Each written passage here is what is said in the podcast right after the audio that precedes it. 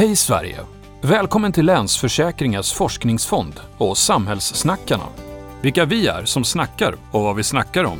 Jo, vi kommer från både forskarvärlden och näringslivet, från offentliga sektorn och från civilsamhället och mestadels handlar det om samhället vi bor i, hur det fungerar idag och hur det kanske borde fungera lite bättre imorgon. Den gemensamma nämnaren är trygghet på längden och tvären.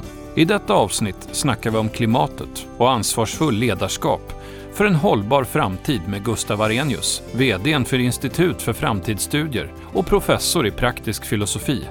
Samt Per Holmgren, naturskadespecialist på Länsförsäkringar AB, författare och tidigare SVT-meteorolog. Samtalet modereras av Annika Dopping. Varsågod Annika. Välkomna till ett samtal om något som kanske är mer angeläget än någonsin tidigare. Ansvarsfullt ledarskap för en hållbar framtid. Med två spännande gäster i studion. Och då är det ju otroligt praktiskt att ha både det naturvetenskapliga och det filosofiska perspektivet eftersom det ibland tenderar att vara så att man tror att det här är ett informationsproblem eh, och överskattar kanske vår förmåga att omedelbart omsätta det i praktisk handling. Gustav, vad tänker du om det? Ja, eh, jag tror man, man, man måste ha ett tvärvetenskapligt perspektiv på det här. Det är som du säger, det räcker inte bara att ha de här resultaten, de här resultaten från naturvetarna, de är enormt viktiga. Men vi måste ta, ta in eh, sociologisk forskning, så det handlar ju om värderingar. Hur ska vi värdera framtida liv? Mm. Och rätt mycket när, när till exempel har det varit mycket rabalder nu om, om eh, den här eh, pristagaren i ekonomi som har fått eh, eh priset då till Alfred Nobels minne. Nordhaus. Nordhaus, precis. När han gick ut och, och sa att enligt hans modeller, det han fick priset då för de här modellerna, Integrated Assessment Models, så sa han att hans modeller visade att vi skulle snarare satsa på 3 eller 3,5 grad. Men det visar inte hans modeller utan det beror på att han har satt in en värdering där, nämligen att man ska räkna ner skador på framtida människor. Skadorna är även nyttor på framtida människor med 1,5 procent per år. Och då får man det resultatet. Men det är ju en ren värdering, det är ingenting som följer från de ekonomiska vetenskaperna. Det är snarare en moralfilosofisk diskussion. Så det här är ett exempel på eh, hur det kommer så mycket, mycket mer vi behöver in. Vi måste ta det här breda perspektivet också. Både ekonomer, filosofer, sociologer då för beteendet. Och det är det vi håller på med på institutet. Där har vi ett, just ett stort projekt om det här som ta med alla de här och demografer också. De behöver man för att ta reda på hur påverkar det här framtida populationer? Hur påverkar befolkningsökningen klimatförändringen och hur påverkar klimatförändringen befolkningsökningen? Det där vet man väldigt lite om. Det är ömsesidigt. Så det kräver ett brett perspektiv. Och Per, det har ju kommit nyligen nu en rapport, IPCC-rapport eh, i oktober 2018. Vad var det för nytt som belystes där? Alltså om man ska hårdra det så var det egentligen inte så jättemycket nytt i den. Men däremot så var man ju tydligare kanske än tidigare vilken trots allt stor skillnad det är mellan en och en halv grad och två grader. Inte minst just ur även ett ekonomiskt perspektiv men givetvis framförallt ur ett humanitärt eh, eh socialt perspektiv. Ett viktigt uppdrag för beslutsfattare att ta hänsyn till vem är det vi ska prioritera, vad ska vi prioritera? Och det är både olika inom städer, mellan stad och land, mellan regioner, mellan länder. Det är väldigt många olika dimensioner som det finns olika mål och maktkonflikter. Vad, vad tänker vi där? Hur, hur ska man kunna få ihop någonting som håller ihop hela samhällets och framtiden? Men nu har vi faktiskt ett aktuellt fall. Vi har ju Frankrike där de då skulle införa de här skatterna då som skulle gå på bensinen och det blev ju uppror. Och det var ju just för att man inte tog hänsyn till rättvisefrågor. de gula göra. västarna som protesterade och gick man ur huset för att de kände att det här drabbade på ett orättfärdigt sätt. Ja, och de kände att det var flera saker som har drabbat landsbygden mycket mer. Mm. Man kan ju se liknande när vi införde de här eh, koldioxidskatterna som vi har i Sverige. Det lyckades vi rätt bra med. Det var ingen rabalder och vi har höjt dem. Vi, där är ju en av sakerna vi verkligen kan säga att Sverige har gått före. Och det har vi lyckats väldigt bra med. Men då gjorde vi samtidigt att vi hade satsningar på landsbygd och andra saker. Vi har ju successivt gjort det. Så man kan inte lösa den här frågan om man inte tar hänsyn till rättvisa också. För då kommer folk inte acceptera, då blir det uppror. Så det, det är en aspekt av det hela. En annan aspekt att det här handlar ju om styrning. Och vi har fortfarande ett system där väldigt mycket styrs på nationell nivå. Mm. Men detta är ett globalt problem. Och det är där det så här, krånglar lite grann. Hur ska vi få till bindande avtal att alla går med? För att för varje land så är det alltid lite bättre att ah, de kommer lite senare så att säga. Så, för det krävs egentligen inte att alla länder går med. Så att eh, om ett land fuskar så gör det ju ingen större skillnad. Så då kan man säga att ah, vi, vi dröjer lite grann med det. Men om alla dröjer så går det det vet vi, väldigt, väldigt illa. Det går, då kommer vi verkligen eh, råka illa ut. Så jag skulle säga att, att här måste man fundera på olika former av, av globala styrningsstrukturer. Och jag skulle nog slå ett slag för att man kanske ska lite mindre fokusera på att få alla med utan fokusera på de stora. På USA, Europeiska unionen, Kina, Ryssland, Japan, Kanada och de där som verkligen släpper ut mycket. Om de skulle tillsammans kunna bilda en slags klubb, ungefär som World Trade Organization. Där man, om man är med i den klubben så gör man vissa, man kommer dra ner på det här ordentligt men man ger varandra fördelar också. Som tullfrihet och andra saker. Så att det blir attraktivt att vara med i den här klubben. Gör man det, då kommer andra säga ja, vill ni också gå med? Ja, ni, ni ser vilka fördelar ni får här om ni går med. Då måste ni också göra den här neddragningen. Och det tror jag kanske vore en mera snabbare sätt att gå fram än att försöka, som vi gör nu, försöka hitta en globalt bindande avtal. Det har varit väldigt svårt. Vad tänker du om det Per? Ja, det har ju varit svårt och en stor anledning till att det är svårt att få globalt bindande avtal det är ju att det finns vissa länder då som till exempel just Sverige som har ganska lätt att ställa om till ett mer eller mindre helt fossilfritt samhälle. Och så finns det andra länder, om man tar i vår omedelbara närhet, Polen, som ju har en enorm teknologisk skuld då från kommunisttiden när man byggde upp en infrastruktur med kolgruvor och kolkraft. Mm. Och det är inte så lätt faktiskt, om man ska vara snäll mot Polen, mm. att ställa om hela det samhället snabbt. Eh, och då kan man också förstå att just Polen inom EU då bromsar lite grann. Och, och på samma sätt om man tittar globalt så är det ju de här dels såklart de traditionella oljeländerna, Saudiarabien, Kuwait och några till som bromsar. Men också de, de stora koljättarna och det är ju USA, Kina, Indien, Ryssland, Australien framförallt. Då. Så å ena sidan skulle vi behöva ha någon slags global eh, klimatpolis som kan rycka till exempel den nuvarande amerikanska presidenten lite i örat när inte han gör vad han faktiskt borde göra. Men samtidigt så kanske man ibland, eller i alla fall har kunnat historiskt förstå att vissa länder har haft en anledning till att bromsa. Men nu börjar vi komma i ett sådant läge att alla länder tjänar ju nu på att göra så mycket som möjligt. Så att eh, ur ett rent ansvarsperspektiv så tycker jag att det, det, börjar bli dags nu att länder och även individer och företag börjar snarast tänka på att om alla tar lite mer ansvar än alla andra istället för som nu sitta och vänta på att någon annan ska gå före. Eh, och blir det då bara en tillräckligt stor kritisk massa, man skulle kunna göra det med en sån klimatklubb som du föreslår, eh, eller på andra sätt, eh, så tror jag fortfarande att när väl den här omställningen börjar ske, nationellt eller globalt, eh, så kan det nog trots allt gå ganska snabbt. Men vi är inte uppe i den här kritiska massan än som krävs. Det är ju fortfarande så att det känns väldigt mycket som de här målkonflikterna, tillväxt eller hänsyn till, till miljön står liksom och, och stampar mot varann och, och brottas med vem ska vinna. Hur ska man bestämma det? Vem ska få det? Ja, det är jättesvårt. Vi behöver bara titta här i, i Sverige där jag tycker att man på, på riksdagsnivå under den senaste mandatperioden gjorde en del riktigt bra saker. Det klimatpolitiska ramverket i stort är ju en, en förebild för hur andra länder i världen skulle kunna arbeta. Um, länsstyrelser i Sverige tycker jag också gör jättebra arbete och det vimlar av kommuner som gör ett fantastiskt bra arbete. Men samtidigt så finns det också eh, intressekonflikter. Att eh, i princip varje kommun ser ju mest till sig själv och de kanske vill fortsätta växa för att de behöver få dit fler människor eh, för att få bättre skatteunderlag, för att få bättre eh, infrastruktur, kollektivtrafik, sjukvård, skolor och vad det nu handlar om.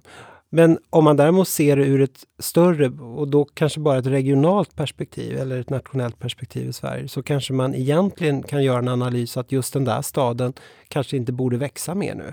Mm. Och då är det ju frågan om vem kan ta det beslutet? Och i, idag har vi inte någon bra samordning på det. Det är intressant här. Det, är ju, det kanske har varit för mycket fokus på individer eller individuella kommuner och liknande saker. Det är bättre om vi har sådana ekonomiska styrmedel så att om nu till exempel den här kommunen vill växa så är det ingen vits för dem att bygga en flygplats.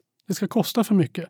Så om de verkligen vill växa, ja, då får de till att kanske bygga, se till att det kommer tåg dit på något sätt. Eller på något annat sätt. Det är det, den så att säga generella regleringen vi behöver som gör liksom att ja, man kan ha massa goda idéer, man vill expandera, men då kommer man få göra det på ett sätt som är förenligt med klimatmålen. Och eh, det är som du nämnde förut också, det, är sant att även här kommer det in rättvisefrågor. Du nämnde det med Polen. Det är ju en rättvisefråga att de faktiskt har ärvt ett system som är otroligt beroende av kol. Mm. Och det kommer kosta mer för dem att ställa om. Och naturligtvis är det lättare för Sverige att ställa om och det är svårare för dem. Då tycker man att rättvisa kanske vi ska hjälpa till lite grann eller ställa om mer. Om vi då önskar att det skulle kunna finnas kompetens, ansvar, eh, rättvisa och massa önskvärda aspekter som kunde hjälpa till och guida i någon sorts advisory boards eh, som faktiskt eh, tar ansvar för, för, in, för både helheten nationellt, globalt och framtida generationer. Hur skulle det se ut Per? Vi gör Per till världspresident. Vips! ja, nej, men det viktiga är väl att vi, vi dels har ledare som både vågar och kan tänka långsiktigt betydligt längre då än till exempel en mandatperiod. Mm. Men också att vi har ledare som eh, är så pass visionära så att mm. tillräckligt många människor börjar längta efter den här hållbara framtiden. Och där tror jag vi har ett jättestort problem idag att oavsett vad vi bygger upp för typ av råd och återigen klimatpolitiska rådet vi har i, i Sverige är ju ett bra exempel på hur vetenskap kan ge support till... Vad gör de? Ja, de granskar och följer upp då den klimatpolitik som man diskuterar och tar beslut om i riksdagen. Så politikerna kan vända sig dit för att få råd? Ja, och det är, också, det är ju en del av hela det klimatpolitiska ramverket. Och, och som sagt, det har gjorts mycket bra saker i, i Sverige. Men i förlängningen, om vi ska nå den här kritiska massan med tillräckligt många människor då som verkligen vill ställa om samhället, så tror jag det räcker inte bara liksom med, med piskor och, och, och, så, utan det måste också i det fallet till mycket, mycket större morötter. Och det kan ju till exempel vara att man har visioner om ett helt annat ekonomiskt system, eh, and, ett annat sätt att se på tillväxten, ett annat sätt att se på, på fritiden, att man börjar liksom uppvärdera den. Att det inte kanske är självklart att alla människor för att hinna och orka och platsa i, i det nuvarande moderna samhället i princip måste jobba heltid och mer än det. Eh, och där måste vi ju förändra värderingar och värderingsgrunder på ett sätt som jag i alla fall tycker diskuteras alldeles för lite idag. Vad härligt att vi då har en livslevande filosof från Institutet för framtidsstudier. Hur tänker du om det? Kan vi liksom modellera om vad vi längtar efter och eh, definitionen av lycka och framgång och så på ett nytt sätt? Jag är inte säker på att vi behöver göra det, utan det är snarare problemet eh, de strukturer vi lever i, de incitamentstrukturer vi lever i, mm. som styr oss. Vi försöker leva i de här och då är Ja, om det är så att det är nu svårare att ta tåget till Paris idag än det var 1985 för att nu måste man byta tre gånger och det är mycket, mycket billigare att flyga. Ja, men det är inte något konstigt att folk kommer flyga dit. De vill uppleva det, men de flesta människor säger om det fanns tåg så skulle de ju ta det. Om det var billigare eller åtminstone ungefär lika samma pris och det fanns en skön linje. Så det är väldigt mycket de strukturerna jag skulle titta på. Jag tycker det finns en rätt stor medvetenhet om folk och det visar sig också i den här tråkiga och lite, att folk har ju faktiskt ångest över de här mm. sakerna. Så att om de bara får möjligheterna. Men sen nämnde du det där med, med visioner tror jag, eller mm. mål. Och, eh, om vi bara tittar på Sverige, vad skulle Sverige kunna göra? Mm. Och då är det ju så väldigt mycket fokus på att vi själva ska bli då, att vi ska se att vår ekonomi ska bli då eh, koldioxidneutral. Det tänker jag alldeles för litet. Jag tycker att Sverige ska hjälpa hela världen med det här. Och det är så att vi vet nu att om vi ska klara av det här så kommer vi behöva någon form av negativa utsläpp, det vill säga att vi tar ut mm. från. Och detta kan naturligtvis göras på det klassiska sättet genom att vi planterar mer skog och sådana saker, men det kan göras på olika sätt. Även där kan Sverige hjälpa till. Vi skulle till och med kunna gå ut och köpa skogar om vi så och skydda dem. Men det är också att vi kommer behöva teknologi. Och det här har ju gjorts förut. Sverige skulle kunna satsa, göra en rejäl satsning på att vara det land som utvecklar teknologi för negativa utsläpp för att bli av med koldioxiden, ta ut den ur atmosfären. Om vi skulle bli eh, eh koldioxid, koldioxidneutrala idag så skulle det ätas upp på tre veckor av de ökade utsläppen i Kina. Men däremot om vi utvecklar sån här teknologi då skulle vi kunna sprida den över hela världen. Ha en enorm effekt. Och hur och menar du att vi jag... skulle uppmuntra det då? Vad är det som krävs? Ja, det är naturligtvis att eh, vi, vi har, staten kan satsa massa pengar på sån forskning. Vi kan rejält satsa pengar på det. Och det är inget konstigt, det har ju staten gjort förut. Den satsar väldigt mycket pengar för när vi utvecklade kärnkraften. Jag tycker det här kan vi likväl satsa på att utveckla. Så det där kan man just pröva. Och naturligtvis är det sant att mycket av den här teknologin den är lite den kanske inte funkar och därför måste man satsa på flera olika forskningsområden på det här. Mm. Men det är, så det är ju värt den risken och där skulle Sverige kunna ha mycket, mycket större inflytande. Inte bara tänka på att vi själva ska klara av de här målen, utan vi ska bidra till att hela världen ska klara av det. Det pågår ju en utredning nu, jag vet inte om den ska vara klar redan 2019 eller först 2020, mm. kring just möjligheten att skapa negativa utsläpp, alltså kolsänkor i Sverige och också vad de olika teknikerna då medför för kostnader. För mm. Det traditionella i Sverige är ju såklart att se till att skogen binder mer och mer kol. Mm. Vi skulle mycket väl kunna eh, utveckla nya metoder inom jordbruket som binder mer och mer kol. Mm. Men globalt kommer ju inte detta att räcka utan Nej. vi måste ju få till en mer högteknologisk standard också. Uh, och jag håller helt med om eh, Gustav att uh, skulle man få fart på den tekniken nu och bli världsledande så kommer man ju faktiskt tjäna pengar på det. Ja, det är faktiskt bra industripolitik också. Ja, det är ju det. För att i, i, alla ekonomer, all, alltså alla bedömare som tittar på klimatfrågan landar ju att det enda sättet att lösa detta på det är ju att hitta någon form av global prissättning på koldioxidutsläppen. Och ju högre de blir då, desto mer kommer man ju tjäna på att binda kol. Mm. För då kommer man ju ha inte bara negativa utsläpp utan också negativa kostnader, det vill säga vinster.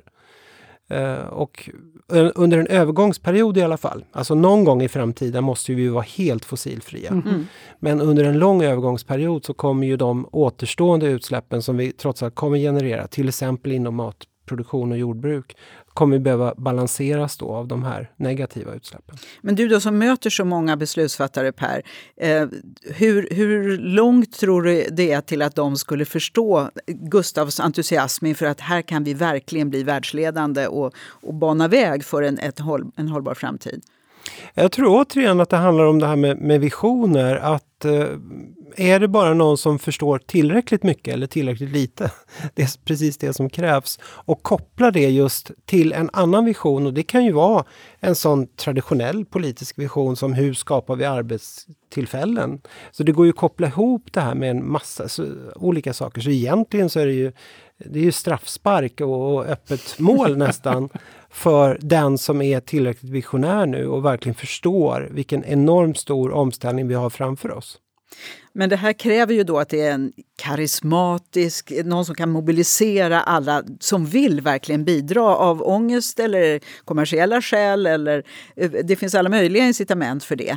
Ehm, och samtidigt kanske vi har ett fokus rätt mycket i Sverige på att det ska vara oantastliga politiker som har eh, inte några parkeringsbotar eller begått misstag i sin ungdom utan gått eh, vattenkammade och fina genom livet. Eh, kan det vara så att det är en, en, eh, en fara när det gäller att hitta de här mobiliserande visionärerna?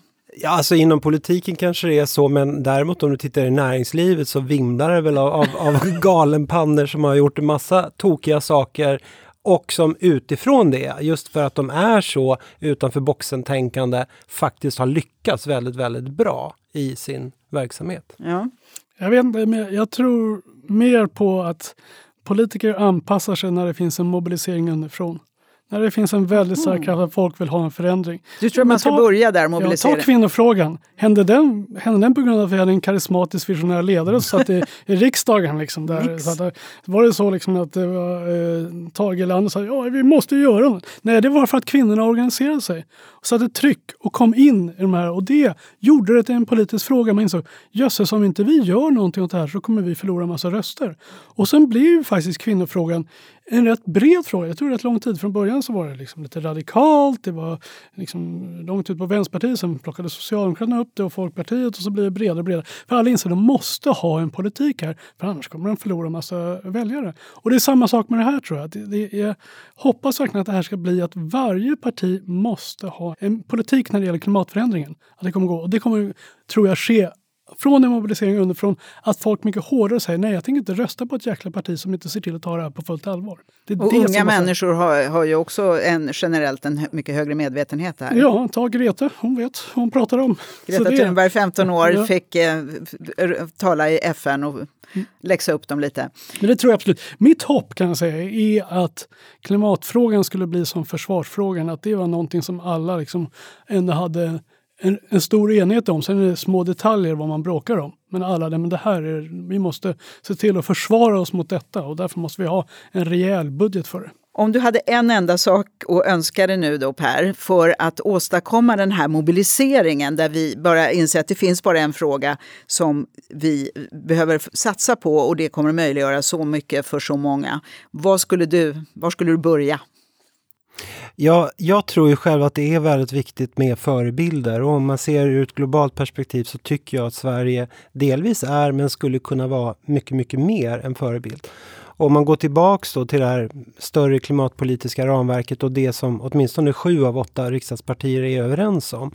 Så går det ju att utgå väldigt mycket från det men steppa upp tempot så att de mål som idag ligger kanske 2045 när vi ska vara klimatneutrala, att man flyttar fram dem och säger 2030 istället. Och det som vi nu säger att vi ska lyckas med till 2030, att vi ser till att fixa det till 2025 och så vidare. Så att vi höjer tempot.